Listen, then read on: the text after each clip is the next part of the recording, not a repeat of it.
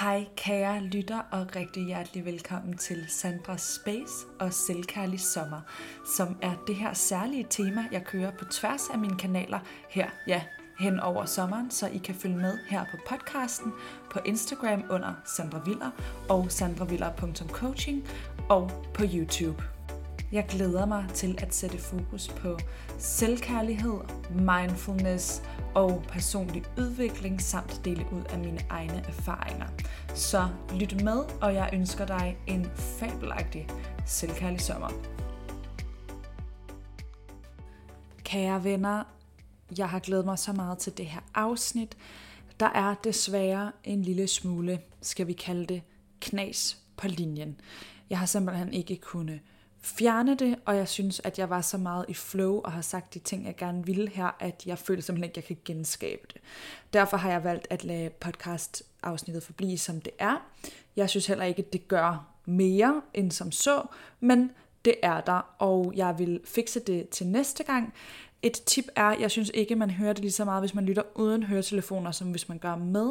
Så det kan du eventuelt prøve, hvis du har mulighed for det. Og ellers så håber jeg, at I kan leve med det, men det er også helt i orden, hvis I ikke kan. Nu vil jeg bare lige sige det, og ja, jeg har glædet mig så meget til det her afsnit, så det kommer her. Hej kære venner, og rigtig hjertelig velkommen til det her afsnit, hvor jeg vil tale om parforhold, om de forventninger, der kan være i forhold til at flytte sammen, eller flytte hver for sig, eller generelt, hvordan man lever sit liv, især, hvad kan man sige, i 20'erne, og når man øh, lidt er i den her overgang fra, hvad skal man sige, ungdomskærester til voksenkærester, og hvornår skal man det ene og det andet og det tredje. Og det vil jeg gøre i kølvandet på, at jeg selv lige har, hvad kan man sige, offentliggjort, at Frederik og jeg flytter fra hinanden. Det gør vi, fordi Frederik har fået et job i London, og hvis du er mere interesseret i mine betragtninger og hvorfor dit og hvorfor dat, så tjek min video om det ud på YouTube. Den hedder En stor forandring, øhm, og der forklarer jeg alt om det, så det tænker jeg ikke, der er nogen grund til at gentage her. Men for lige at opsummere det så, ja, Frederik flytter til London her i midt august, og jeg tager ikke med. Vi vil se det andet på sigt. Jeg elsker jo selvfølgelig London, og er bestemt også åben for at bo i udlandet. Men det hele kommer også an på, hvordan min forretning og, ud, øh, og liv udvikler sig, og ja, hvad, hvad der giver mest mening for os begge to. Så vi tager det som det kommer, men han starter med at tage derhen alene, og jeg har besluttet mig for, at jeg vil faktisk gerne tilbage i min gamle lejlighed, som bliver ledig fra midt oktober. Så indtil da, der har jeg to måneder, hvor den ene måned vil jeg være hos mine forældre, og i den anden måned har jeg faktisk lige booket en lejlighed i Marbella. Så mega nice. Øhm, men bottom line er det her med, at jeg har det rigtig godt med den her beslutning. Jeg er selvfølgelig med på, at det kommer til at være svært, og man kommer til at savne hinanden, men der er bestemt også en del af mig, der faktisk ser det som en mulighed for at få mit eget space lidt igen, som man jo faktisk ikke ellers ved, hvornår man får igen, når man er gået ned af den her, hvad kan man sige, forholdssti, og der er lang tid til trust me, men øhm, jeg ved, at jeg en dag gerne vil have børn, så det er sådan, ja, den dag, der kan man jo ikke bare lave sin egen ting, eller gå for sig selv i længere perioder. Så øhm, jeg synes, det er så spændende, både på hans vegne, jeg er mega glad for, at han har fået den her mulighed, og støtter 100% op om det. Ser det også som en mulighed for mig selv. Men ja, det er klart, at når der sker sådan en stor forandring, og det her med, når vi har boet sammen, og nu skal vi ikke bo sammen, er det så ikke lidt at gå baglæns i forholdet i traditionelle øjne, og jeg kan mærke, at det er meget forskelligt, dem jeg ligesom har talt om. Dem jeg har talt med, inden jeg har skrevet om det på de sociale medier, hvilket jeg har fået en overvejende positiv respons på, men jeg har også fået mange henvendelser af folk, der kunne relatere til det, eller som også følte sig fanget i den her med, at det er svært at, hvad kan man sige, gøre noget utraditionelt, eller alt det her med, hvad vi burde versus hvad vi egentlig har lyst til, og hvad er det gode forhold, og ligner det så, at vi er ved at gå fra hinanden, hvis vi ikke bor sammen. Der har jeg fået en del henvendelser, så derfor vil jeg tale mere ind i det i dag. Men det jeg kom fra var, at de reaktioner, jeg har haft i det virkelige liv, der har været nogen, der forstår 100% hvor jeg kommer fra, og nogen, jeg kan mærke, der var sådan, ej, men er du ikke bekymret? Og ja, selvfølgelig er der ting, jeg ved kommer til at blive udfordrende, som sagt, og jeg kan også godt have tanker, der minder om bekymringer omkring det. Det tænker jeg ville være naturligt, hvis jeg ikke havde. Men man kan sige, at min første instinktive mavefornemmelse, og det jeg har det meste af tiden, er sådan, som jeg beskriver det her. Men selvfølgelig har man, man har forskellige tanker og overvejelser og alt det her. Men det er bare fordi, at jeg kunne godt relatere til at tænke sådan, fordi da jeg var yngre, og øh, ikke at det nødvendigvis er en alders ting, jeg tror egentlig mere, at det er en mindset ting, men der kan jeg synes, når jeg tænkte, jeg kan huske, at jeg hørte om nogen i sådan min omgangskreds, der flyttede fra hinanden, uden der egentlig var en grund til det, hvor jeg tænkte, ej, hvor mærkeligt, og det kan man da ikke, og Frederik og jeg, vi flyttede faktisk også sammen ret tidligt, mere af nød. Altså det var inden vi boede i den lejlighed, som jeg, vi jo så flytter fra nu.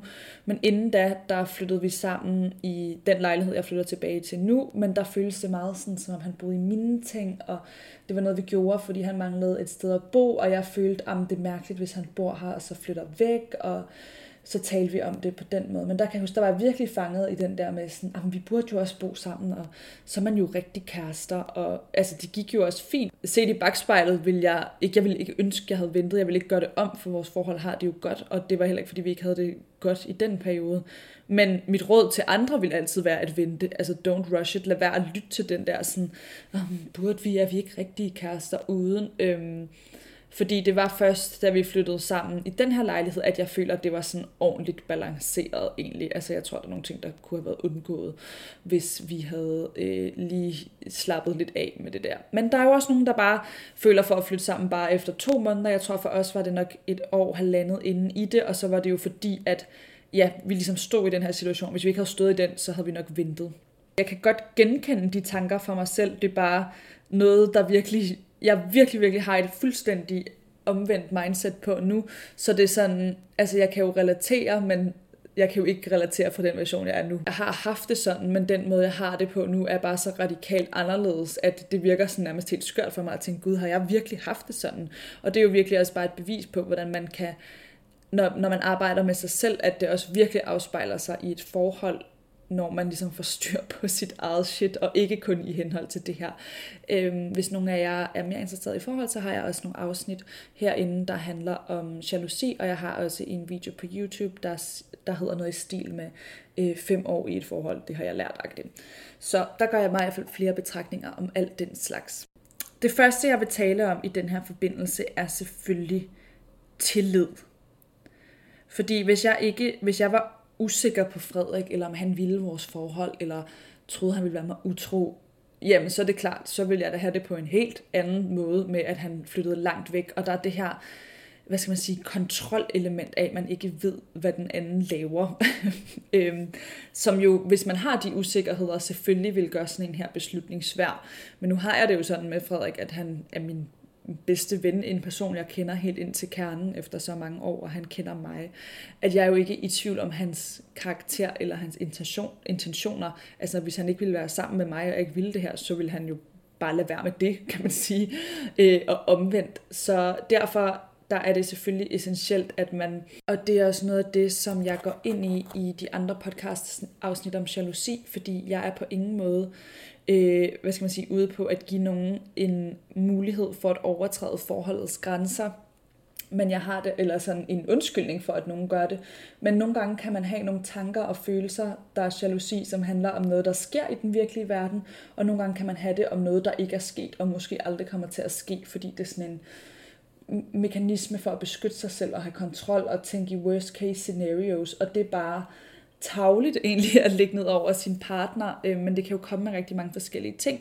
Jeg har jo også, altså når man generelt er sensitiv og overtænker, jamen så har man da også tendens til at gøre det med sit forhold, fordi der er noget på spil, og man er sårbar, og der er noget for vigtigt, der er vigtigt for en. Så for mig øh, blev noget af den jalousi og usikkerhed, jeg havde, da jeg var yngre, og igen, det er ikke for at sige, at det er en aldersting. Jeg tror, det er både en livserfaringsting lidt, men det er også, for mig har det bare været en mindset-ting. Altså, jeg kunne sagtens have det på den måde nu, og stadig være 25 lige om lidt, og jeg kender der også folk, der er både min alder og ældre end mig, der, der har det mønster, så det er jo ikke sådan en regel om, at det bliver man bare ligeglad med, fordi man bliver ældre. Det er noget, du kan arbejde med, hvis du har det, ved at blive klogere på dig selv og på dit forhold. Men det her med at vide, når, hvornår reagerer jeg på noget, der måske er en legit ting, og hvornår er det noget, der findes i mit hoved, øhm, eller som er fordi, jeg har prøvet noget før.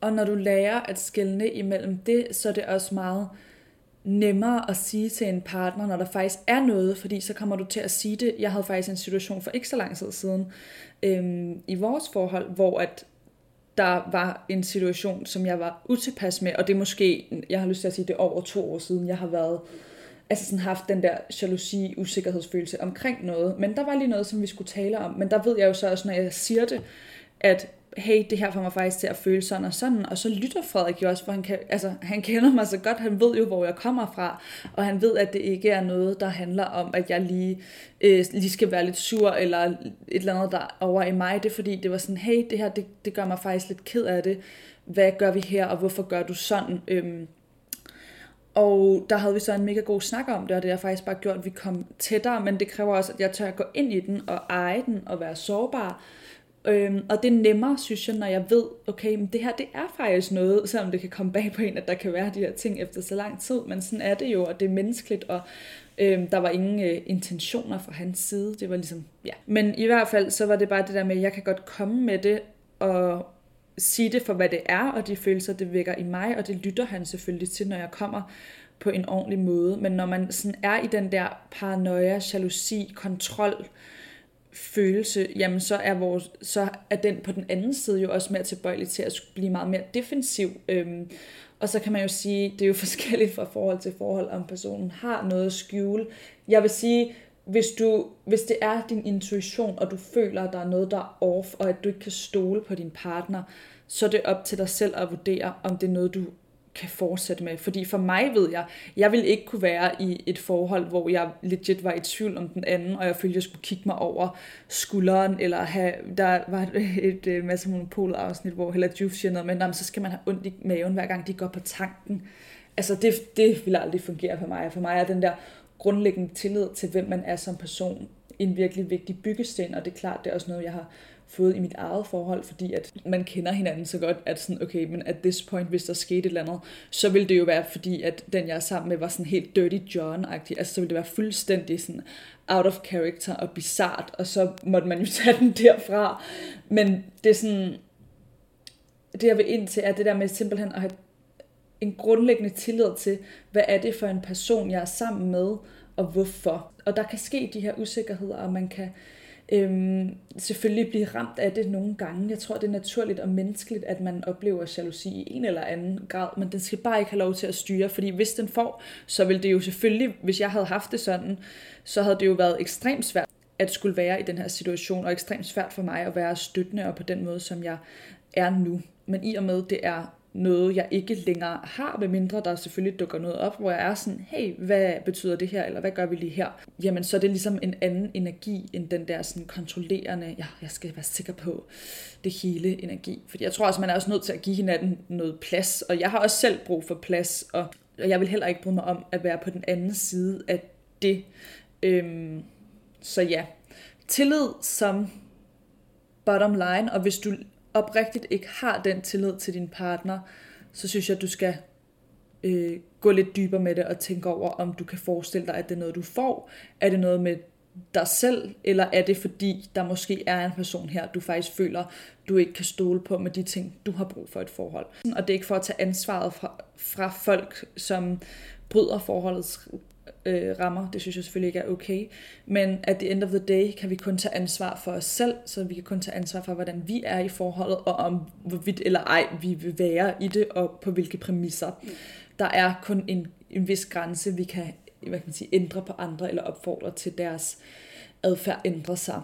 Øhm, så hvis der ikke er den der grundlæggende respekt for hinanden, eller man bare ikke er, har de samme behov i et forhold, jamen så kan det godt være, at, at det, det simpelthen på sigt ikke fungerer, hvis nu lad os sige, Frederik havde, at jeg havde behov for at gøre noget, der overskred Frederiks grænser i vores forhold, som ville være et for stort afkald for mig at give, hvis jeg skulle stoppe med det og omvendt, jamen så, så er der måske bare ikke et match med værdier, og så skal man måske heller ikke øh, fortsætte med noget langsigtet i hvert fald altså det er jo bare sådan, det er en lille smule nøgtern tilgang, men det er også rigtigt. Det er lidt det samme som hvis folk ved, hvis de vil have børn eller ej, jamen det er jo en stor ting i livet, der for mange er meget definerende.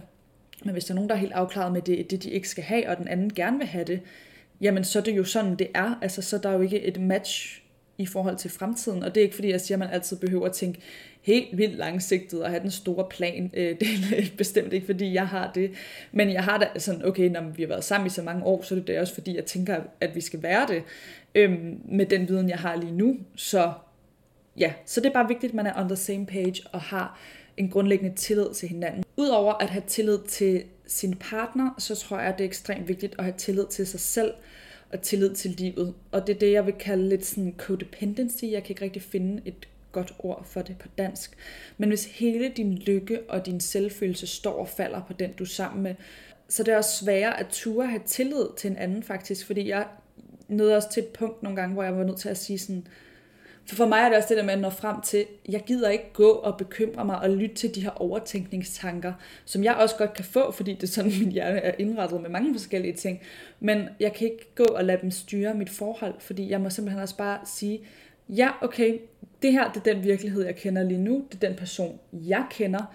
Skulle det en dag ændre sig, må jeg tage den derfra. Jeg vil selvfølgelig være mega ulykkelig og ked af det, hvis der var noget, der gik galt, eller at øh, ja, den, jeg er sammen med, overskred forholdets grænser, og det på en måde, der ville betyde, at det for min side ville skulle afsluttes.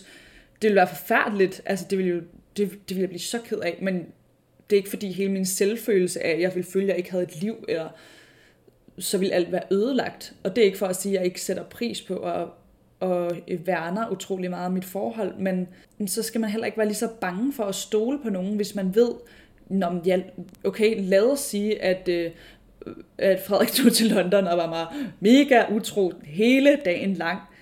Jamen, så var det jo bare heller ikke ham, jeg skulle være sammen med. Altså, kan I følge mig? Så det er jo det. Jeg ved godt, der er den der ego-ting, og man har ikke lyst til at være den, der bliver såret eller holdt for nar. Jeg også selv, jeg har en, en ret stolt side faktisk. Øh, I'm a Leo, så ja, der, det kan jeg ikke så godt lide, den tanke, men den ego-ting har jeg simpelthen måtte lægge til side for at få peace of mind. Fordi ja, okay, worst case, hvis en overskrider mine grænser på en måde, hvor det er ud, jamen så er det jo bare ud, og så skal jeg jo også bare videre forstå mig ret. Det er det værste, der kan ske, og jeg ved, at jeg vil være okay, uanset hvem eller hvad der sker, fordi jeg passer på mig selv, og jeg elsker mig selv, og jeg arbejder med mig selv, og har skabt det her fundament, der gør, at når jeg er sammen med en person, så er det en, jeg vælger til. Og også i fremtiden i en integreret hverdag, men jeg er stadig min egen person, jeg har ikke, altså, det er ikke, jeg bliver ikke mindre værdig, skulle min partner være mig utro, lad os sige, det worst case. Altså, det, det siger jo ikke så meget om mig, det siger jo noget om den person.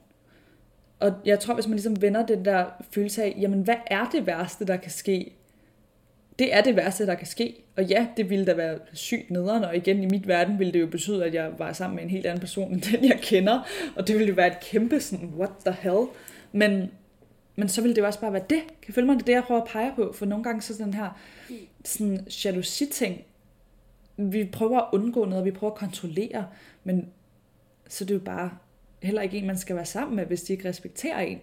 Nå, men det blev faktisk lige en lang øh, snak om sådan den der tillidsting. Det jeg egentlig også gerne vil ind på i det her afsnit, var det her med, nu siger vi, at øh, forholdet er godt, og alt det her jalousi noget og usikkerhed, det har vi lagt lidt til side. Hvad så, når man gerne vil træde ind i nogle utraditionelle ting, for eksempel, nu flytter mig og Frederik fra hinanden, øhm, men hvis nu vi havde gjort det, uden at der var, hvad kan man sige, en grund til det, fordi vi bare gerne vil have lidt hver vores space, eller man overvejer, om man skal blive hjemme, eller lade være med at forfølge de her ting, fordi når, nu er man jo også kærester, og man er sat. Og der kan man sige, at det er selvfølgelig rigtig vigtigt, at man er on the same page med det her. Det er jo heldigt for Frederik og jeg, at jeg går ud fra, at Frederik vil have det på samme måde, hvis det var omvendt, og det er også det, jeg vil ønske, og derfor er det selvfølgelig også den måde, jeg har det på med ham, og giver ham plads til, også selvom, altså nu er det jo så, fordi jeg oprigtigt har det sådan, men, men det vil jeg altid mene, der skulle være plads til at leve livet nu og her. Og der kunne jeg jo fornemme, at der er nogle andre derude, der i hvert fald kan relatere, eller som bliver i tvivl, eller som føler, at burde jeg blive hjemme, eller kan jeg klare det uden ham, uanset, eller ham eller hende, og uanset hvilken side af det her, man står på, jamen det er jo så derfor, jeg har brugt så på at tale om tillid, fordi det er selvfølgelig vigtigt, men, men der er også det der med, nogle gange så tror jeg, at vi stresser os selv ind i at blive voksne, altså jeg ved jo, mange af jer, der lytter med, er altså nogenlunde jævnaldrende, plus minus nogle år, så et eller andet sted i 20'erne, eller måske øh, slut teenageårene, eller start 30'erne, men altså, vi har da forhåbentlig et langt liv sammen, et langt liv foran os, og hvis man er i et længerevarende parforhold, så hvis man har intentioner om at blive sammen, hvorfor er det så, at det ikke lige går, at man lige bor fra hinanden nogle år igen, hvis det nogle år, eller et halvt år, eller whatever, hvis det er det, der gør, at man får nogle andre fede muligheder. Jeg mener i hvert fald, det der er essensen af, nu har jeg jo været sammen med Frederik hele mine 20'er i princippet, og der er man nødt til at give hinanden den plads. Med mindre, altså lad os, okay, men så kan det godt være, hvis der er et parforhold, hvor ingen har de behov, så er det jo helt fint. Det er ikke for at sige, at man ikke bare kan leve, øh, hvad kan man sige, det traditionelle villa, hvor hun Volvo-liv, øh, hvis det er det, man vil, hvis begge vil det og er enige. Men det, jeg taler ind i nu, er, hvis der er nogen, der ligesom gerne vil lave lidt hver sine ting, men stadig være i et committed forhold.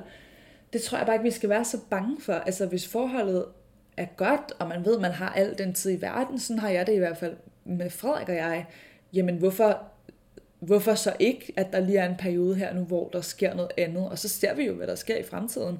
Og ja, man kan sige, når lad os så sige, at der skete et eller andet undervejs, der fandt ud af, hvor vi fandt ud af, at det skulle vi ikke, jamen så er det da godt, at vi har fundet ud af det. Kan I følge mig? Altså det, igen, jeg ved godt, det, det lyder sådan en lille smule nøgternt og følelsesforladt, øhm, for det er det bestemt ikke for mig at tale om de ting. Øh, jeg blev selvfølgelig rigtig ked af bare overhovedet at tænke på det, men det er også, nogle gange så overtager vores følelser og vores ego og vores frygt for at blive forladt, eller at det ikke fungerer, og stopper os i at leve vores liv, og det synes jeg ikke, det skal. Det vil jeg ikke ønske for mig selv i et par forhold, og det vil jeg heller ikke pålægge min partner, og det kommer af ren kærlighed, for man kan sige, en ting er attachment, og det der med, når jeg elsker dig, du er min-agtig, men nej, jeg elsker dig, og jeg vil have, at du lever dit bedste liv, og jeg vil støtte dig, og være der for dig, og jeg vil håbe, det, det samme gør sig gældende omvendt, og jeg vil åbne op for en verden, og et liv sammen, hvor vi har muligheder for at at også være dem, vi er individuelt, og særligt i 20'erne. Øhm, man skal jo ikke gå, på, gå glip af noget, bare fordi man har en kæreste. Altså selvfølgelig, hvis man er i et klassisk monogam forhold, ja, så går man i citationstegn glip af at være sammen med andre. Men så ser man det som forhåbentlig så ser man det forhåbentlig ikke som noget, man går glip af. Øh, sådan har jeg det i hvert fald ikke. Men man skal jo ikke øh, lægge sine egne ønsker og drømme til siden, på samme måde som det her eksempel med at få børn. Hvis man altid gerne har vil rejse, eller hvis man altid gerne har vil gøre dit du dat, så er det noget, jeg synes, man skal støtte hinanden i. Og hvis der kommer et behov for, ved du hvad, jeg kunne faktisk godt bruge mit eget space, det kan man sagtens sige med kærlighed. Øhm, det betyder ikke, at man ikke gider være sammen, at man også kan nyde sig selv og sit eget selskab og sine egne projekter, og have et fælles liv og et stærkt kærlighedsbånd ved siden af. Men jeg kan godt forstå det her med, at nogle gange synes andre, det er mærkeligt, eller hvis andre gør øh, de helt klassiske ting, som jeg kunne forstå på nogle af jer, der skrev, øhm, så kan man føle sig forkert, eller ej, er jeg for egoistisk, eller kommer vi til at slå op, fordi de andre siger, eller nogen man kender har haft et dårligt langdistanceforhold, eller... Men der har jeg det sådan, jeg kan ikke rigtig bruge andres forholdsting til så meget, fordi jeg føler, at mit forhold, det er mit, det er kun mig, der kender det, det er kun mig, der ved, hvad mine behov er. Så at nogen, man kender, har haft en eller anden oplevelse, okay, ja, interessant, man kan måske drage nogle paralleller, men at the end of the day er vi alle sammen individuelle mennesker, og bare fordi at samfundet har en bestemt måde, vi øh, ser det som den klassiske eller den mest normale måde at gøre det på, betyder det altså virkelig ikke, at det er det mest rigtige for lige præcis dig eller lige præcis dit forhold. Jeg synes, vi skal være så fri som muligt for de ting. Og Øh, ja, det er meget sjovt, fordi mine forældre har jo faktisk haft langdistance, da jeg var øh, inden jeg blev født, og også imens, øh, kan man sige, for min far plejer at rejse rigtig meget, det er også derfor, jeg boede i udlandet som barn, øh, og der var det meget sødt, mine forældre, de har jo en masse sådan, inputs og tanker, og sådan, ej, men da vi gjorde det, så var det sådan her, og det sætter jeg selvfølgelig pris på, jeg ved, at de kommer jo med kærlighed, det er mine forældre for helvede, men det er også sådan, ja ja, men det var i 80'erne, guys. Øh, eller ej, 80'erne, 90'erne, nu tror jeg, jeg kommer til at gøre dem ældre, end de er. men det er sådan, ja ja, men der er FaceTime, jeg er fleksibel med mit job i forhold til at rejse, og vi er også andre mennesker. Altså, end de er. Og det er, og det er heller ikke, fordi mine forældre øh, ser negativt på det. De er faktisk ekstremt støttende. Det er bare for at sige, at dem har jeg for eksempel kunne... Der har de sagt, ah, at det var jo også svært, og dit, du, dat. Og ja, ja, jeg ved også godt, det kommer til at blive svært, fordi at... Ja, selvfølgelig bliver det svært at være den, væk fra den, jeg er sammen med. At jeg er vant til at gå op og ned af dagen lang. Men øh, så er der nogle andre ting, der bliver godt for det. Og så tænker jeg også, når man er sammen, at man kommer til at få mere den der sådan, hvad kan man sige, meget intentionelle tid, mere koncentreret, end når man bor sammen, hvor man lidt er sammen på default nogle gange, hvis I forstår, hvad jeg mener. Og der er ikke noget, der mere rigtigt eller forkert med det andet, og vi har altså bare virkelig ikke travlt med at blive sat og bundet og committed for life til et bestemt sted eller en bestemt måde at leve på. Og især ikke, hvis du har det, altså hvis du har en, øh, nu kan jeg ikke finde et bedre ord, men en frihedsfølelse i maven, så skal du altså, så tror jeg på lang sigt, at du vil blive mere ked af at gå på kompromis med den. Fordi så risikerer man at stå om nogle år og føle, at man har gået af, givet afkald på noget for en partner, og så bliver det til bitterhed, og så har man ikke fået udlevet sine drømme, fordi man har skulle gøre det på den traditionelle måde, eller fordi det gjorde alle de andre, eller fordi det synes ens forældre, eller det synes samfundet ville være det mest normale. Øhm, det tror jeg, man fortryder mere, end at tage en chance. Og så ja, så er der en risiko ved den chance. Ja, det er der vel altid, men der er også en risiko ved at lade være, skal man altid huske på. Det er lidt det samme, som jeg også taler ind i nogle gange, når jeg taler om, hvad kan man sige, valg i livet, eller uddannelse og karriere. Det er sådan, vores generation har meget sådan ting, hvor vi tror, vi skal have regnet det hele ud, og skal have styr på det hele, inden vi er 30 eller 35 eller whatever. Og det er sådan, hvorfor? altså, vi kommer formentlig til at blive ret gamle, så hvad skal vi lave resten af tiden? Hvorfor har vi så travlt? Hvorfor skal forholdet være på en måde og helt fast, og vi skal bo sammen og gøre de her ting i den her rækkefølge, hvis det ikke er det lige præcis, vi har lyst til? Vi skal seriøst huske os at leve for os selv. Min største takeaways for det her vil være, øhm, at når man er i et forhold, så er det altid godt at arbejde med sig selv, fordi at dem, vi får faktisk spejlet rigtig mange ting af vores partnere, især i forhold til det her med jalousi. Og hvis nu du sidder og slet ikke kan relatere til det, jeg siger, og tænker, men jeg er den, der sidder på den anden side, og måske din partner gerne har det her behov, men du bliver mega usikker på grund af det, eller du føler dig som den efterladte. Man kan sige, alt er jo historie, ikke? Sådan, jeg har den her historie, som jo er sand for mig lige nu, med hvordan det her forholder sig, men jeg kunne da også have haft en historie, der hedder, og min kæreste, han vil bare hellere arbejde i udlandet, og jeg bliver efterladt herhjemme, og hvornår skal vi da også ses, og hvad nu hvis der, øh, hvis øh, der kommer en anden, og, øh, og nej, og det er bare synd for mig. Øhm, det er jo et perspektiv, det er nogle baller, man ser det igennem. Men hvis du har den, øhm, og føler dig som den lille, eller ikke, så vil jeg bare virkelig opfordre dig til at se lidt på dit eget selvværd. Det kan også godt være, at det er en relation, der simpelthen, øh, hvad kan man sige, du ikke kan have tillid til. Men hvis det er meget den der med sådan, når, sådan lidt offerrolle, forstår I, hvad jeg mener? Og det er ikke for at, at sige, at det er forkert at have det sådan her. Det er faktisk ekstremt menneskeligt at blive til et offer nogle gange. Men det er også noget, vi er nødt til at snap out of, hvis vi vil hjælpe os selv. Så nu får I den lige lidt tough love -agtigt. Det håber jeg, I kan klare. Men jeg kommer med det med rigtig meget kærlighed. Og det var heller ikke for at øh, det gør grin med det, at jeg talte på den der måde. Det er, jeg forstår det nemlig godt udmærket. Hvis du har det sådan, for lige at se det fra den anden side, så skal du lige kigge lidt nærmere på dig selv, og det her med ikke at være codependent, altså afhængig af dit forhold udelukkende for at være glad. Hvis du forføler, at hvis vi gik fra hinanden, så ville det være verdens undergang, så vil jeg kigge lidt indad. Fordi, altså jeg synes jo også, det vil være helt umenneskeligt forfærdeligt. Jeg vil være så ked af det. Men jeg er ikke i tvivl om, altså jeg vil ikke føle, det var verdens undergang. Jeg ved, jeg har andre ting i mit liv, der også fylder mig op, og jeg fylder mig selv op først og fremmest. Og det har ligesom gjort hele forskellen. Men sådan, det er noget, jeg har rykket mig rigtig meget med, og for lige at drage paralleller til den her episode, jeg nævnte kort tidligere, øhm, for nogle uger siden, der kan jeg huske, altså hvis vi havde sådan noget her i starten af forholdet, det var også klart, når man ikke kender hinanden så godt, vi var også det yngre, men så opslugte det sådan hele min dag. Altså jeg kunne ikke fungere, lave noget andet. Tænk på noget andet nærmest. Øhm, og der er det sjovt, fordi der, det her indtryk af er lidt en mandeting. Men der kan for eksempel Frederik, han kan bare slå over i noget andet. Og glemme det, og det kunne jeg bare ikke forstå. Jeg kunne være så sådan, hvordan kan du have det her med mig? Og bare være ligeglad, med, jeg går her og er ked af det. Dit, du, dat. Hvor at nu, ja, vi havde en konflikt, men et, vi vil jo begge to gerne løse den, fordi vi vil gerne være sammen. Frederik mødte mig rigtig meget i mine følelser, så det var jo rigtig godt. Men også det her med sådan, jeg kunne godt lave nogle ting og sådan fokusere på noget andet, uden at, ja, lade det overtage. Det er ikke, der er ikke kun det i mit liv. Det er en rigtig vigtig ting i mit liv. Men jeg ved også, jeg er nødt til at have mig selv, og så den, jeg er sammen med et tilvalg. Et aktivt tilvalg hele tiden. Og det synes jeg faktisk er ekstremt romantisk.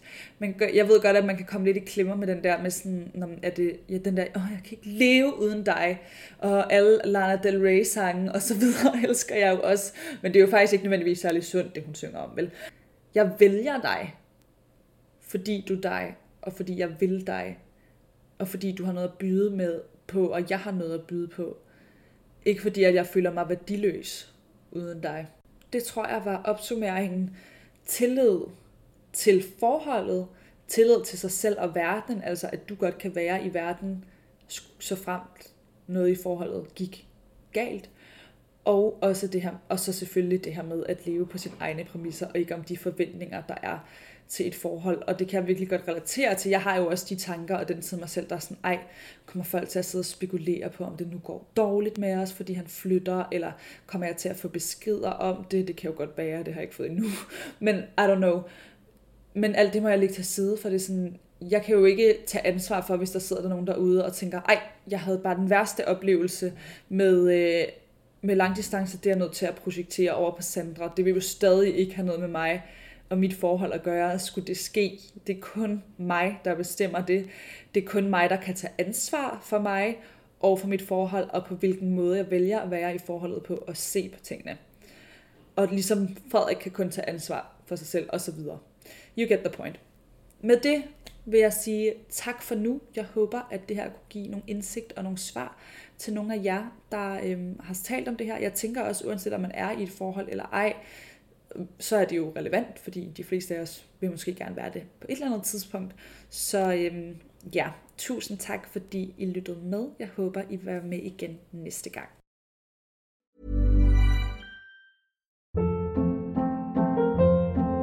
Hold up. What was that? Boring. No flavor. That was as bad as those leftovers you ate all week. Kiki Palmer here, and it's time to say hello to something fresh and guilt-free. Hello Fresh. Jazz up dinner with pecan-crusted chicken or garlic butter shrimp scampi. Now that's music to my mouth. Hello Fresh. Let's get this dinner party started. Discover all the delicious possibilities at hellofresh.com.